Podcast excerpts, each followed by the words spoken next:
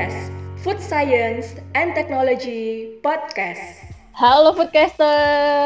Hai, Kita kembali lagi nih setelah libur semester yang sangat singkat. Nggak berasa ya liburan semesternya, eh tiba-tiba udah masuk aja.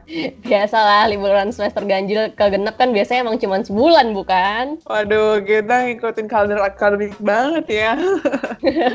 Berasa oleh online ini podcast ya.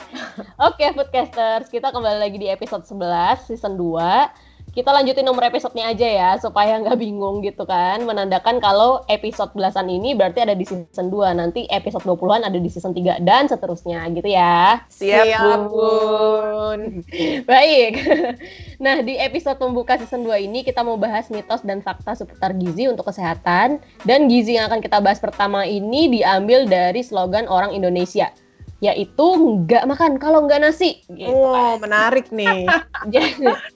Jadi, gizi apakah itu kira-kira kalau soal nasi? Karbohidrat. karbo, karbo, karbo. Saking nasinya ya guys, gue sampai ketemu waktu itu di supermarket mie instan di cup edisi pakai nasi. Udah hmm? pada lihat belum? belum tuh. Aduh, nggak paham tuh? lagi ceritanya tuh bisa ide jual produk begitu. nah terus, bener nggak Ren? Enggak sih, udah keburu kenyang duluan gue baca kemasannya, Stel. Double karbo ya, jadi kenyang ya? Ya, uh, ya ampun, ada aja. Ya, ngide aja ya orang-orang. Hmm. Uh, jadi, gizi pertama yang akan kita bahas ini kan karbohidrat dulu nih.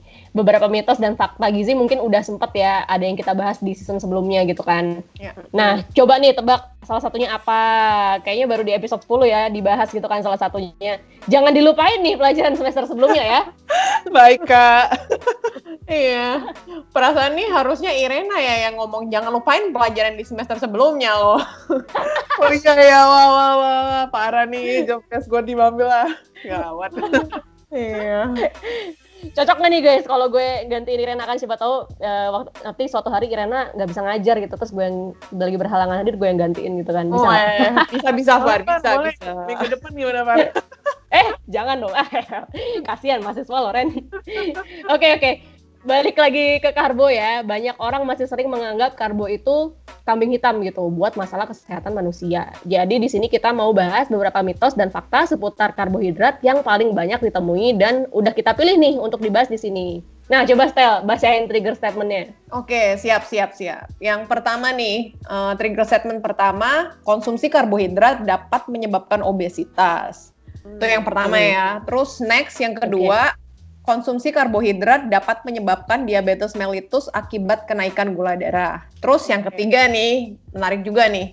Karbohidrat hmm. mengandung serat larut dan tidak larut. Nah, gimana nih Bun jawabannya? Mana sih sebenarnya mitos dan mana sebenarnya yang fakta? Oke, oke, oke, oke. Jadi sebelum kita jawabin mitos apa fakta, kita sebaiknya kasih definisi dulu ya. Karbohidrat itu apa? Dan terminologi turunannya itu gimana? Artinya kan karbohidrat itu ada macam-macam. Jadi yeah. karena kita belum secara detail jelasin karbohidrat di season sebelumnya, mari kita bahas tentang karbohidrat dulu nih secara lurus ya. Ya, siap Ren. Lanjut lanjut. Jadi karbohidrat itu adalah salah satu makronutrien penyusun pangan selain lemak dan protein yang secara kimia disusun oleh atom karbon atau C hidrogen hmm. atau H dan oksigen atau O dan pastinya hmm. dibutuhkan oleh tubuh kita sebagai sumber energi dan serat pangan. Nah, kan ada tadi CHO itu ya. Nah, jumlah unit CHO hmm. ini atau kita sering sebut kalau secara kimia, orang kimia bilang monomer Uh, dan fungsinya itu bagi tubuh membuat karbohidrat ini uh, terbagi menjadi beberapa jenis. Jadi karena ada perbedaan unit monomer ini, uh, karbohidrat itu nggak cuma satu jenis guys gitu. Mm-hmm. Itu dibagi berapa beberapa jenis tuh berdasarkan monomernya? Iya betul Far. Jadi berdasarkan jumlah monomer penyusunnya lebih tepatnya. Oke okay, jumlah monomer penyusunnya. Oke okay, oke okay, oke. Okay. Lanjut. Jadi berdasarkan jumlah monomernya ini karbohidrat dibagi tiga jenis ya Pertama, gula hmm. sederhana. Nah, sesuai dengan namanya nih guys, ini bentuk karbohidrat paling sederhana bisa terdiri dari satu monomer atau monosakarida atau dua monomer atau kata lainnya adalah disakarida. Hmm. Di monosakarida dan disakarida. Karena strukturnya yang sederhana, jenis karbohidrat ini mudah untuk dicerna dan menghasilkan energi cepat alias bisa menyebabkan kenaikan level gula darah dalam tubuh kita secara cepat. Hmm. Contoh monosakarida nih, apa ya, uh, gula alkohol silitol. Nah, mungkin teman-teman pernah lihat di beberapa jenis permen dan juga sorbitol, salah satu jenis pemanis. Hmm. Kalau di Sekarida apa ya? Oh, contohnya ini yang paling gampang, sukrosa atau yang kita sering gula meja yang kita bisa pakai uh, bikin kopi dan teh kita jadi manis. Terus mm. ini mungkin udah mulai populer nih sekarang uh, laktosa, laktosa jenis gula yang terdapat pada susu hewani. Ya. Sekarang ada yang kedua, yeah. oligosakarida namanya. Jadi jumlah hmm. lebih banyak, sekitar 3 sampai 9 lebih kompleks lah dibandingkan monosakarida dan disakarida ya. Dan ini rata-rata tidak bisa dicerna. Hmm, Biasanya gitu. itu ada di sayur-sayuran, contohnya rafinosa dan stakiosa yang sering kalau kita kebanyakan konsumsi itu uh, menyebabkan flatulensi kayak ada angin gitu di uh, perut kita akibat fermentasi yang terjadi di usus besar gitu. Jadi ya cuma makan sayur-sayuran doang, itu misalnya nggak makan nasi itu sering kejadian kan ada kayak gas gitu tuh di perutnya. Nah, yang ketiga yeah. nih polisakarida. Nah, ini lebih gede lagi uh, jumlah hmm. dan sering disebut sebagai karbohidrat kompleks yang monomernya dari 9 sampai 200 sampai di atas 200. Hmm. Nah, ini, ini biasanya ada maltodextrin yang bentuknya paling sederhana yang monomernya 9, ada juga pati, amilosa, amilopektin, selulosa, pektin, dan lain-lain banyak di contohnya. Jadi kira-kira gitu okay. sih jenis-jenis karbohidrat. Oke okay, oke. Okay. Udah tahu ya definisi karbohidrat dan jenis-jenisnya. Ada tiga tuh, gula sederhana, oligosakarida, sama polisakarida. Mm -mm. Gitu. Eh iya ketinggalan nih Far. Si polisakarida ini mm. sendiri berdasarkan kemampuan dicernanya dibagi dua lagi. Mudah-mudahan gak ribet mm. ya hmm. teman-teman. Penting sih untuk yeah, yeah, yeah. Ada polisakarida hmm. yang dapat dicerna yang disebut sebagai pati, uh, misalnya amilosa dan amilopektin. Ada juga polisakarida yang nggak bisa dicerna. Nah ini nih yang kita sering sebut sebagai serat kayak inulin, kitin, selulosa dan lain-lain. Oh oke okay, oke okay, oke okay, sip. Ini udah lengkap ya perkenalannya ya? Sip udah. Oke. Okay. Sekarang saatnya menjawab mitos atau fakta dari statement tadi. Iya, ya. Yuk, mari kita mulai. Statement pertama, karbohidrat bikin obesitas. Mitos atau fakta? Mitos, mitos dong. Mitos, guys. iya sih, ya karena tadi udah dibilang Irena ya, beberapa jenis karbohidrat emang mengandung kalori. Uh, dan ya. itu emang juga jadi salah satu sumber energi terbesar bagi manusia. Nah, tapi bukan berarti makan karbohidrat otomatis membuat gemuk ya. Jadi kita perlu hmm. lihat balik lagi yang kita tekanin di tiap episode foodcast kita juga ya. Kita perlu tuh melihat hmm. porsi makanannya dan sumber jenis karbohidratnya apa juga. Yang jelas misalnya hmm. makan satu mangkok karbohidrat, uh, makan satu mangkok nasi dan makan dua mangkok nasi beda jumlah kalori dong.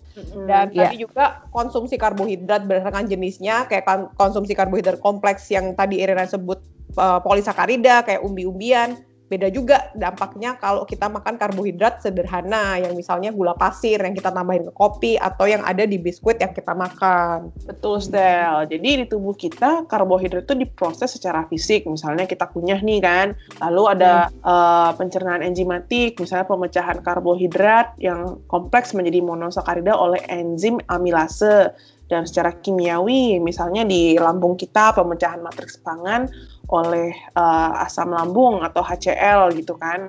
Ya. Jadi sampai akhirnya bisa menjadi gula sederhana yang dapat dikonversi menjadi energi yang dapat digunakan oleh tubuh kita untuk beraktivitas. Jadi semakin hmm. kompleks karbohidratnya, semakin lama proses pemecahannya sehingga hmm. produksi energinya perlahan dan kasih efek kenyang lebih lama atau orang bilang katanya ini lebih feeling gitu lebih hmm. untuk sehari-hari ya ini kasus sehari-hari ya kalau untuk atlet beda lagi gitu kan untuk sehari-hari dalam hmm. aktivitas hmm. normal ini bagus kita pengen yang hmm. begini-gini jadi kita nggak terus-terusan pengen makan dalam situasi yeah. psikologis normal ya ini ceritanya yeah. ya. Mm. Jadi kita bisa kontrol porsinya. Kalau porsi sudah jelas ya uh, dampaknya pasti udah jelas ya. Ya semakin banyak kita makan, semakin tinggi asupan energi yang tubuh kita terima.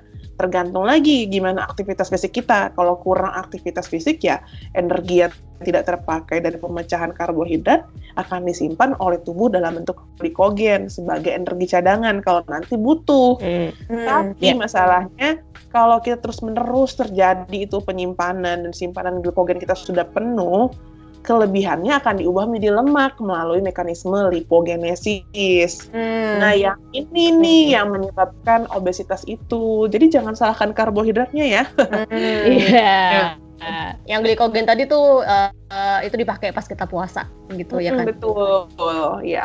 Yeah. Baik baik. Lanjut ke statement kedua, uh, karbohidrat menyebabkan kenaikan level gula dalam darah dan diabetes mellitus, mitos atau fakta? Mm, mitos. ya ya ini masih berhubungan sih dengan karbohidrat kompleks dan pemecahannya tadi ya. Uh, hmm. konsumsi karbohidrat yang dapat dicerna pasti dapat meningkatkan level gula dalam darah. Hal itu sudah pasti dan tidak salah. Jadi kalau statementnya sampai dibilang karbohidrat dapat menyebabkan kenaikan gula darah, itu betul. Karena hmm. kalau nggak begitu ya dari mana kita mau dapat energi gitu kan? Sia-sia hmm, nanti iya. karbohidratnya cuma lewat doang kan. Betul. Tapi yang jadi poin perhatian adalah seberapa cepat kenaikan level gula dalam darah. Apakah lonjaknya hmm. langsung lonjakannya langsung tinggi Nah, ini yang perlu diperhatiin. Kalau kita lebih sering dan rutin konsumsi karbohidrat sederhana, misalnya dari refined carbohydrate, uh, gula-gula sederhana, dan sejenisnya, lonjakan gula darah kita pasti terjadi secara cepat. Ini yeah. bisa membuat pankreas kita bekerja keras untuk memproduksi insulin yang secara tiba-tiba juga, kayak tiba-tiba datang, nih gula, lu ini ya pecah gitu jadi energi, ini kecapean Nah, kalau dia kecapean, lelah gitu kan, pada satu waktu dia bisa give up untuk produksi insulin secara normal lagi gitu. Hmm, ya, ya, ya bener sih. Yeah. Lagi pula sih ya guys ya, diabetes mellitus tipe 2 itu kan nggak terjadi overnight gitu. Tiba-tiba misalnya lo habis makan karbo langsung diabetes mellitus tipe 2 gitu kan. tapi, yeah. tapi itu kan terjadi karena pola makan yang sudah dikerjakan bertahun-tahun gitu. Jadi bukan nggak boleh hmm. ya makan biskuit atau pakai gula dalam kopi tapi perlu diperhatikan seberapa banyak dan sering dan again yeah. portion matters a lot ya di sini. Mm. Dan kita di sini juga perlu mengerti mana makanan yang masuk berkategori berindeks glikemik rendah, sedang dan tinggi. Jadi konsep indeks glikemik ini dipakai untuk mengukur bagaimana karbohidrat mempengaruhi level gula darah dan makanan berindeks glikemik rendah atau kurang dari 55 biasanya jenis makanannya itu karbohidrat uh, kompleks gitu sehingga dicerna dan dimetabolisme dan diserap secara lebih perlahan daripada makanan berindeks glikemik tinggi atau lebih dari 70. Jadi intinya nggak semua karbohidrat sama ya guys ya, beda-beda. Ya, Lagi-lagi kan tadi udah ada tuh, udah disebutin uh, apa sama Irena karbohidrat ada tiga jenis. Ya. Oke, okay, statement yang ketiga karbohidrat mengandung serat larut dan serat tidak larut, mitos atau fakta? Ah, ini mah gue juga udah bisa aku jawab ya, fakta lah. Ayo, Hifar. Tadi Irena juga udah jelasin kan ada polisakarida yang nggak bisa dicerna dan itu serat gitu. Lebih spesifik, lebih spesifiknya lagi serat tangan ya guys. Karena ada juga serat non tangan kayak serat kayu atau kain gitu kan. Nah kita ngomongnya serat tangan nih. Yo, yo. jadi intinya emang serat kayu guys. Iya gak lo kayak lo Woody Woodpecker lo manusia. Oke, jadi intinya emang gak semua karbohidrat bisa dicerna. Dan serat pangan itulah yang nggak bisa dicerna gitu detailnya sih si serat pangan ini adalah bagian dari bahan uh, dari pangan nabati ya. Uh, bahan pangan nabati yang nggak mempan diproses sama enzim pencernaan. Jadi nggak punya nilai kalori yang diperhitungkan gitu. Ya walaupun nggak kasih kontribusi nilai gizi atau energi tapi serat pangan ini kayak punya peran penting ya terutama dalam kesehatan pencernaan. Uh, membantu kontrol kolesterol juga dalam darah dan uh, ngatur kadar gula darah gitu. Iya bener Far. Jadi ada dua jenis serat pangan nabati yaitu serat larut dan serat tidak larut. Orang banyak nggak tahu nih soal serat larut tidak larut ini nih. Iya, biasanya kan orang mikirnya serat tidak larut ya, gitu kan. Hmm. Tapi serat larut ini yang kayaknya orang belum banyak yang tahu gitu kan. Hmm. Tapi Ren maksudnya larut dan gak larut buat buat serat nih gimana? Larut dan gak larut buat serat ini gimana ya maksudnya? Ribet kita ya. Iya, itu gimana tuh larut dan gak larutnya di serat Jadi eh, serat larut di sini maksudnya bukan lagi ngomongin larut air apa nggak larut air ya. Walaupun eh, banyak klarifikasi serat ini yang masih jadi perdebatan, tapi secara umum jenis kelarutan pada serat ini ditentukan oleh uji kelarutannya di larutan buffer dan enzim yang mirip dengan yang ada di sistem pencernaan kita manusia. Misalnya Hmm. enzim eh, amilase, terus pH-nya mungkin tiga setengah atau eh, tiga sesuai dengan eh, pH HCl di asam lambung. Misalnya gitu ya eh, perwakilannya. Jadi kalau serat tidak larut ini misalnya eh, yang paling sering kita dengar tuh selulosa dan hemiselulosa. Dan kalau jenis jenis serat ini yang tidak larut ini penting banget untuk memperlancar pencernaan karena punya efek Hmm. laksatif. Jadi laksatif ini maksudnya menurunkan waktu transit kotoran di saluran pencernaan jadi lancar gitu loh guys.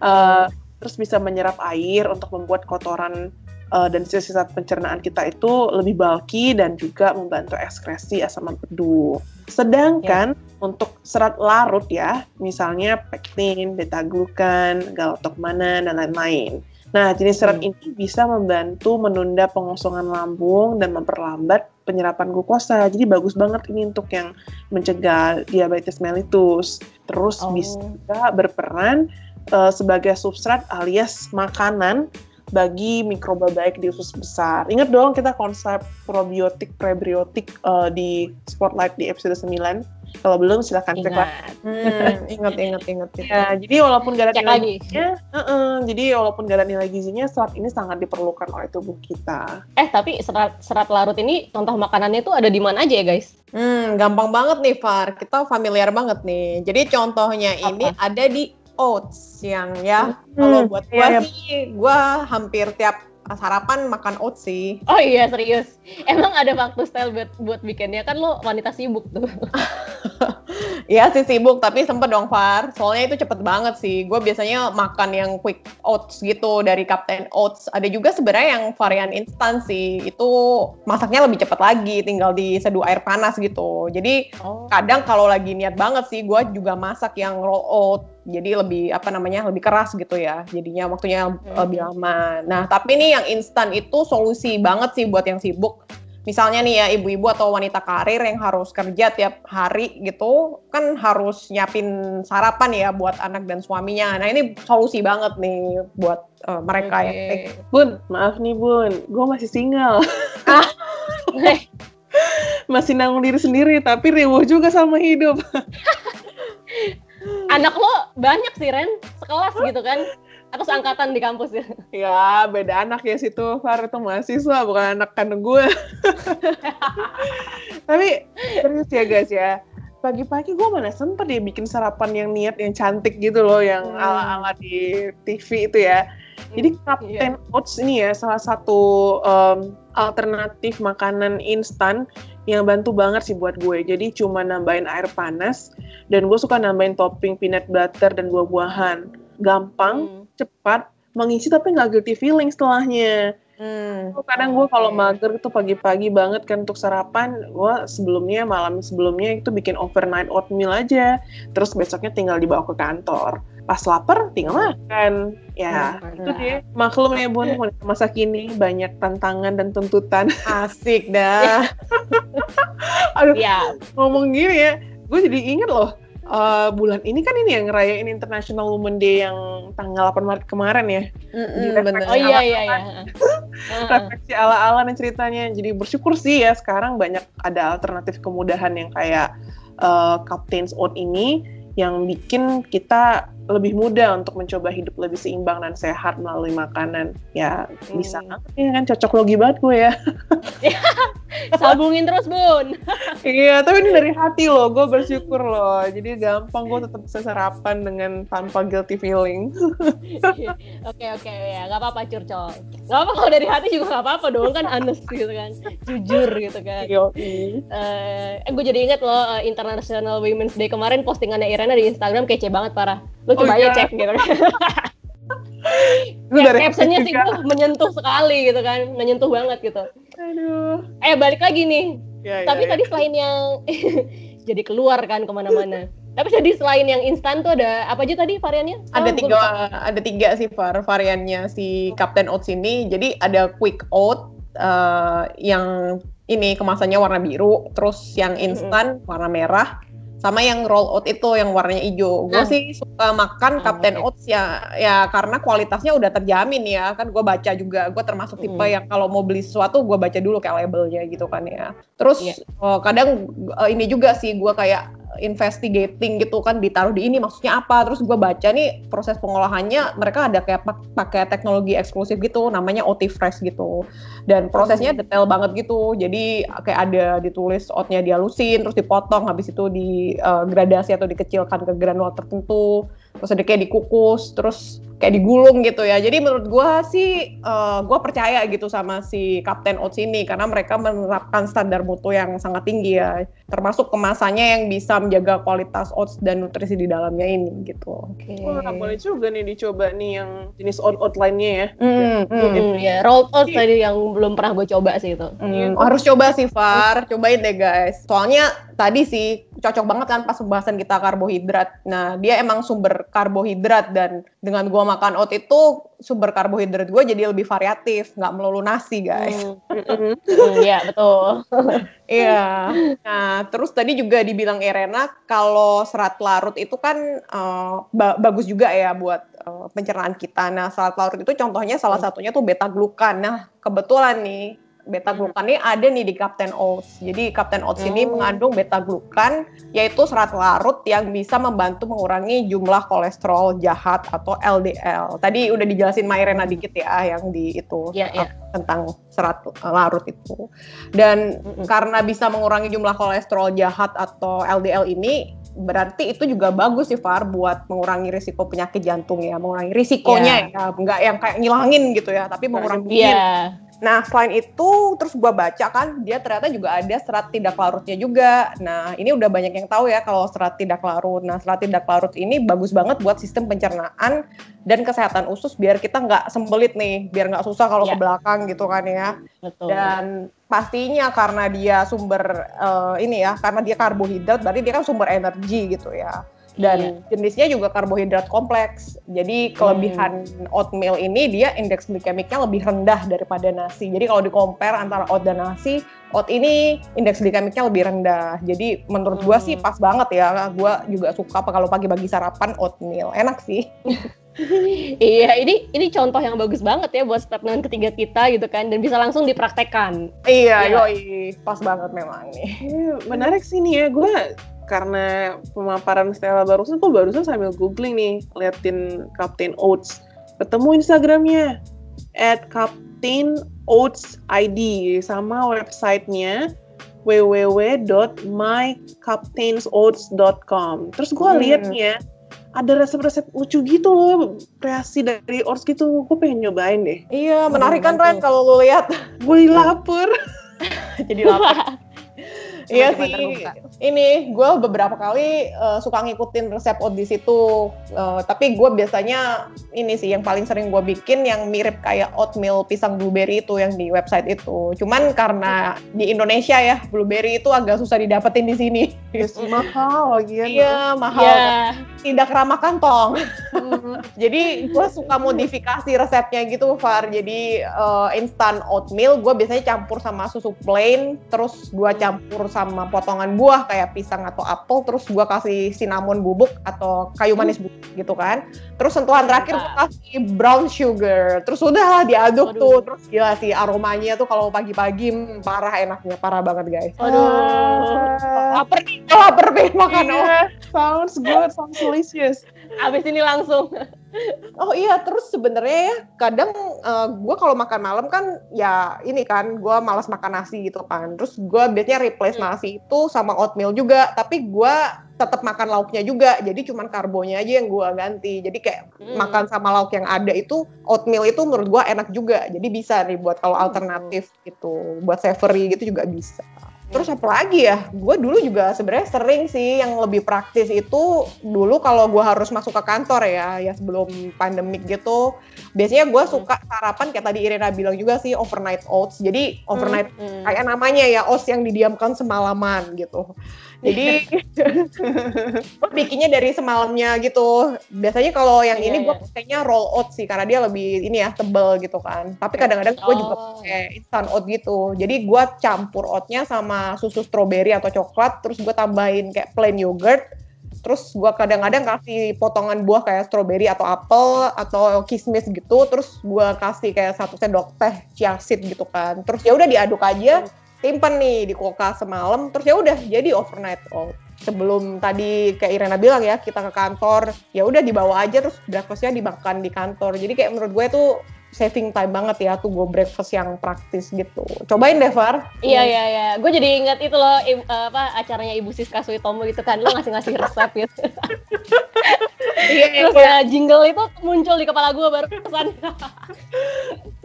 Iya sih, bener bener bener ya. Ya gue sih karena juga itu banyak gunanya ya sehari-hari. Jadi gue hampir emang selalu ada stok oats sih di rumah. Jadi kayak recently banget nih, gue suka banget sama Captain Oats yang roll oat. Jadi yang kemasannya warna hijau. Jadi gue suka karena dia lebih bertekstur gitu sih kalau pas dimakan. Jadi ini gue kebetulan juga ada di sebelah gue yang warna hijau nih Far. Iya.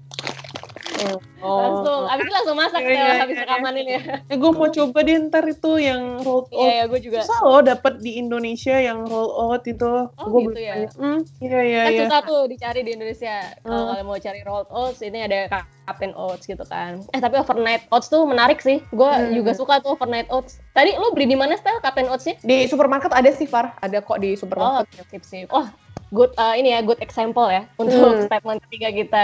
Sekarang uh, mitos dan fakta tentang protein yuk. Eh, yakin Far mau dibahas sekarang nih protein? Hmm? Loh, bukannya statementnya ada karbohidratnya juga ya? Yang ini kan, yang lebih sehat konsumsi protein daripada karbohidrat. Mitos atau fakta? Bukan itu? Boleh sih Far, tapi kayaknya to be continue aja Far. Kalau kita mau bahas protein juga, nih kita bisa 12 jam nih podcastnya. Iya sih ya, gue pikir ya karena ada kabut karbonya jadi sekarang juga. Ya udah oke oke oke. To be continue ya foodcasters. Iya, see you on Protein Edition guys. Bye-bye. Bye. Terima kasih udah dengerin Foodcast. Semoga podcast kita bermanfaat ya. Sampai jumpa di episode selanjutnya.